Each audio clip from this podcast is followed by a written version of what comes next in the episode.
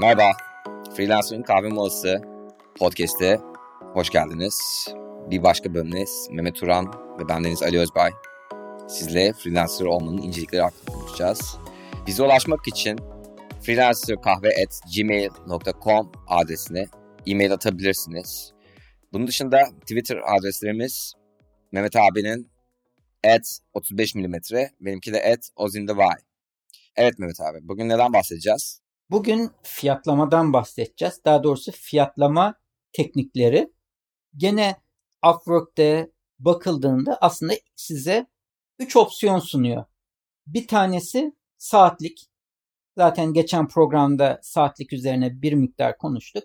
Kısaca ben bu kadar saat çalıştıkça saat başına bir fiyat belirliyorsunuz ve o fiyattan ücretlendiriliyorsunuz. Ücretlendiriyorsunuz.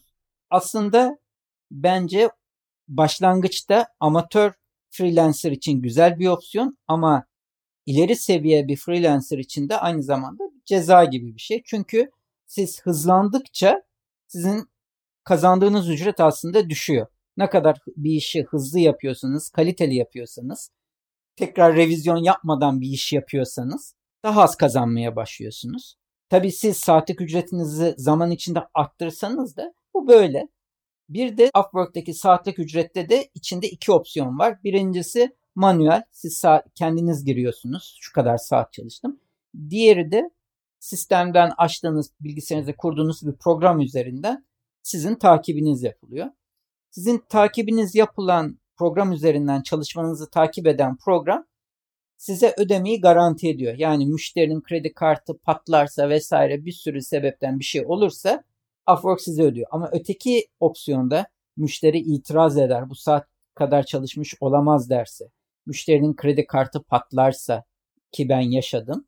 Ödemenizi alamıyorsunuz. O yüzden eğer manuel gireceksiniz öncelikle bir sahtekarlık yapmayın. Gerçekten kaç saat çalıştıysanız o kadarı girin. Mantıklı olsun. Diğeri de mümkün olduğunca uygulamayı çalıştırın. Özellikle yeni müşterileriniz için. Uzun zamandır çalıştığınız bildiğiniz müşteriler vardır. Ödemelerini zamanında yaptığını biliyorsunuzdur. Hiç o zaman oturup da saat mi tutacağım dersiniz. 2 gibi oturdum, 4 gibi kalktım o zaman 2 saat girerim derseniz bir problem yaşamazsınız. Ben ama her seferinde bilgilendiriyorum bazıları hariç yani. Diyorum ki bak şu kadar manuel zaman girdim bu iş için.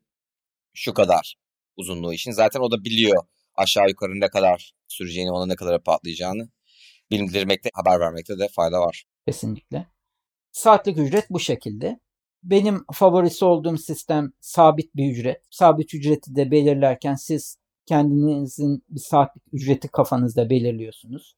O işin ne kadar tutacağını düşünüyorsunuz. İki tur revizyon dönse diyorsunuz ve müşteriye diyorsunuz ki iki tur revizyon hakkım var. O su bu su şu kadar tutar deyip kafanızdan bir fiyat belirliyorsunuz. Tabi bunun da şeyi artık saat tutma derdinden kurtarıyorsunuz. İkincisi de beklentilerinizden daha hızlı yaparsanız gene aynı parayı alıyorsunuz. O yüzden de ben sabit ücreti tercih ediyorum. Yani aklımda ne kazanacağımı biliyorum, müşteri ne harcayacağını biliyor. Oturup da kronometre tutmama gerek kalmıyor. Ama ben gene de 3 aşağı 5 yukarı ne kadar saat harcadığımı da bakıyorum ki bir sonraki tahminim daha doğru olsun. Upwork'te bir tane daha sistem var. Proje kataloğu denilen.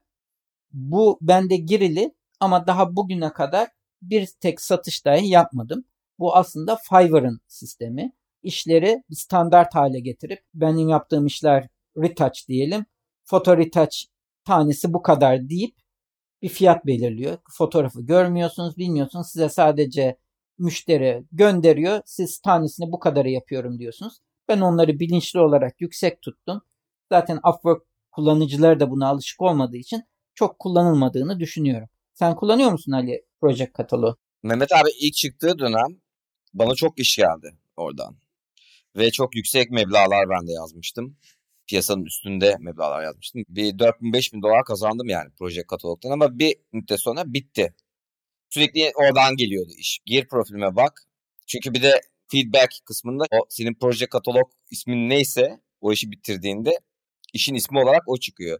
You will get a flawless podcast episode. Böyle 15 tane 20 tane falan böyle ardarda arda aynı isimli iş var yani. Algoritmler değişiyor sürekli Upwork'te son bir senedir ve bilmiyorum ne yaptıklarını. Ama o dönemde biliyorum yani algoritmalar bayağı yardımcı oldu konuda. Anladım. Benim için hiç çalışmadı. Demek bazılarına çalışıyor, bazılarına çalışmıyor. Aslında bu proje kataloğu sistemi Fiverr'ın sistemi.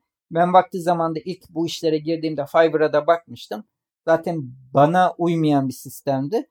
Gene de hani boş durmasın. Çünkü bilemezsin arkada Upwork proje kataloğu olmayanı cezalandırayım diyor da olabilir gösterirken. O yüzden ben mümkün olduğu kadar Upwork bir şey çıkardığı zaman onu bir an önce aktif hale getirip kullanır hale geliyorum ki search'lerde eğer bu da bir etkense oradan o sebeple dışlanmamak için diye belirteyim.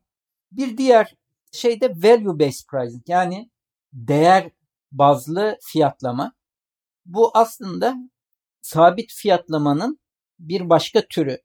Şimdi şöyle söyleyelim. Sen ses işliyorsun. Ben sana geldim.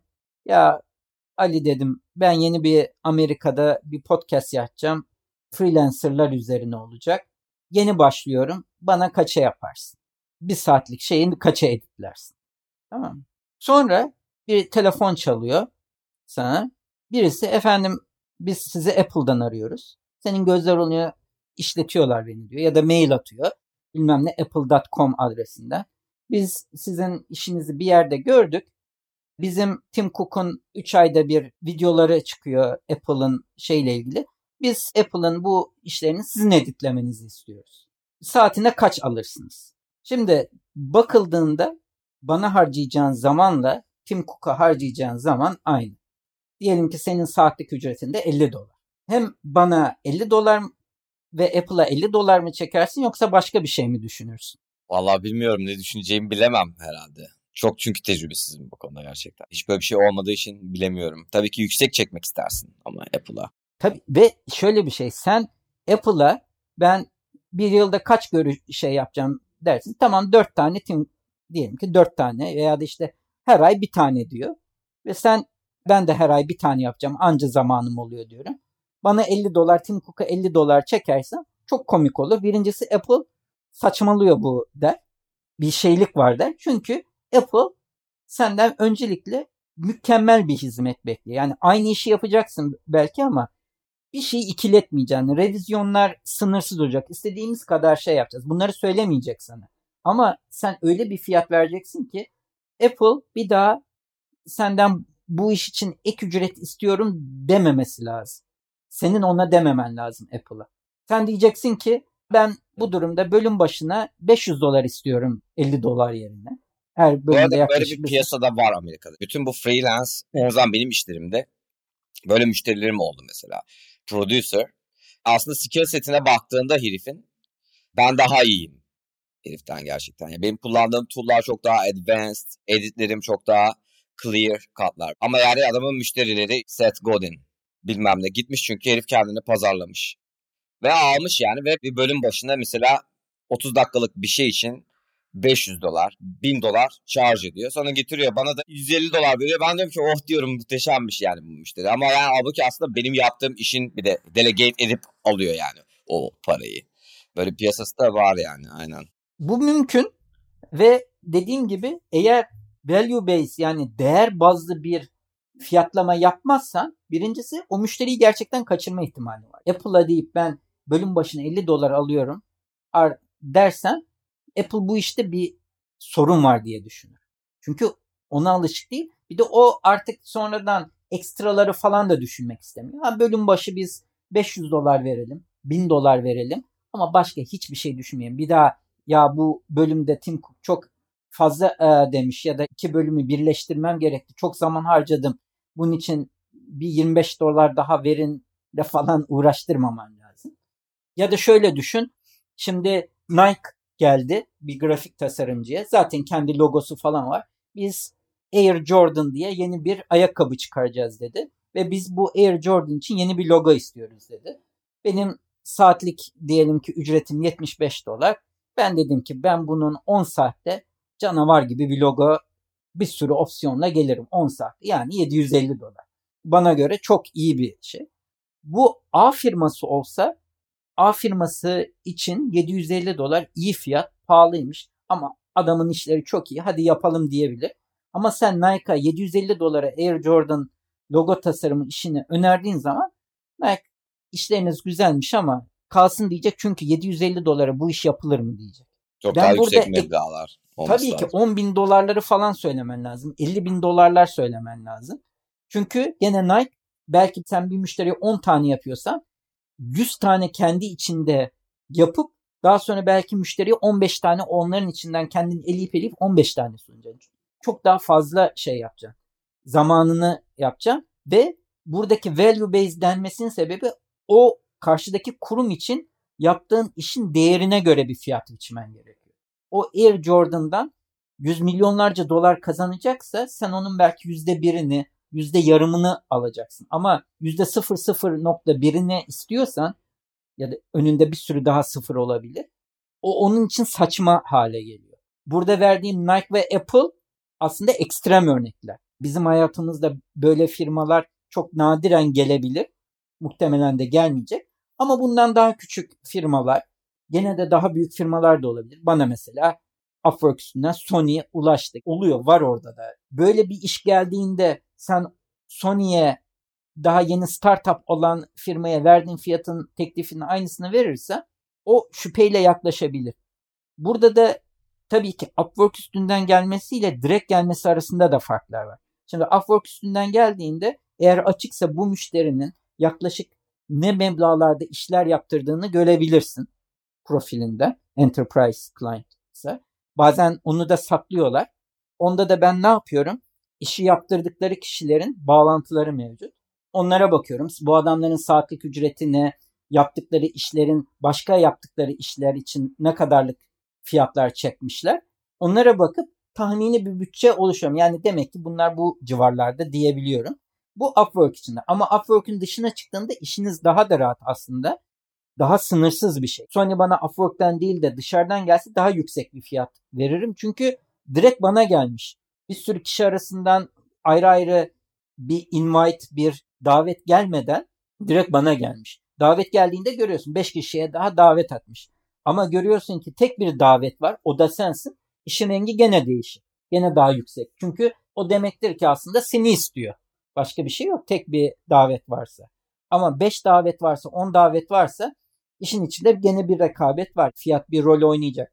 Burada fiyatı dibe çek anlamı taşımıyor ama mantıklı davranmak lazım. Gene uçmamak lazım. Uçabilirsin öbür türlü. Bunda ama uçamıyorsun çünkü başka alternatifler de var. Ve senin kadar belki de iyi onlarda.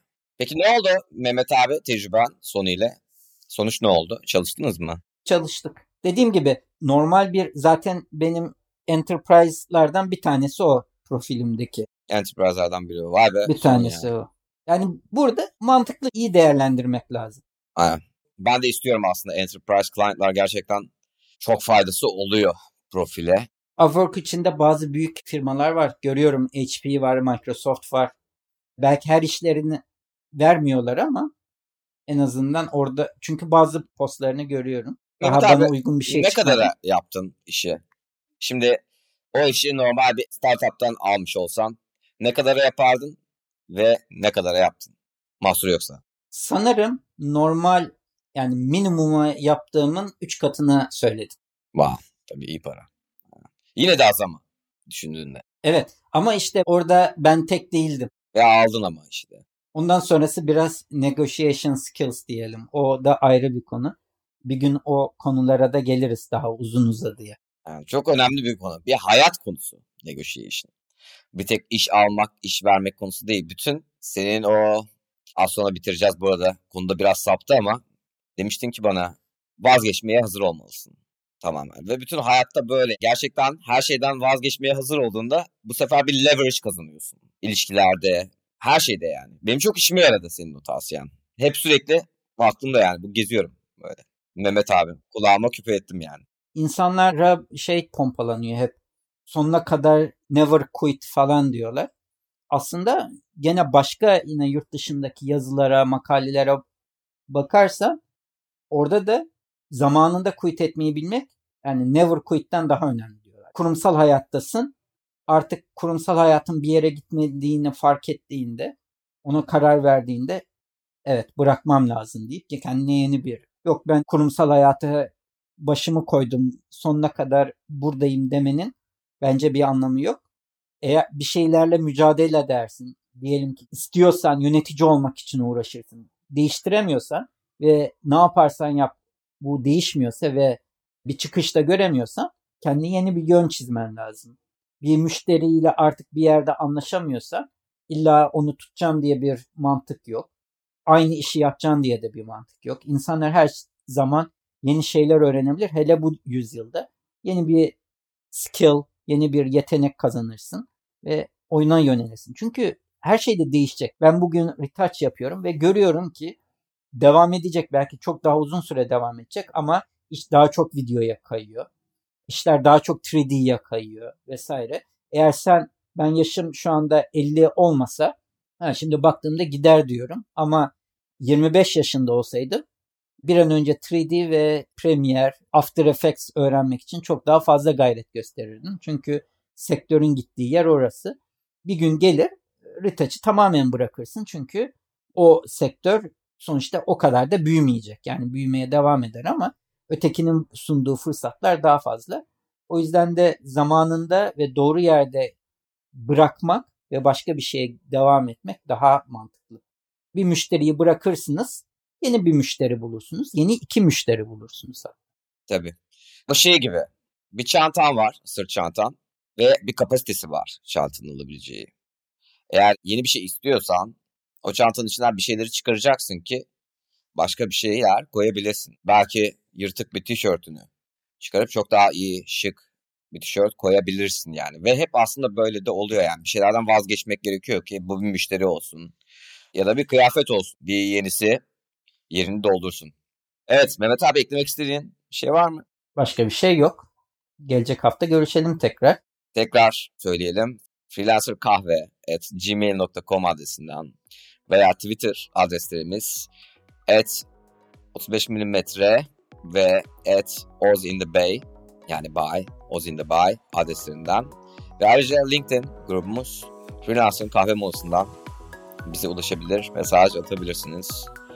İki hafta sonra görüşmek üzere. Görüşmek üzere.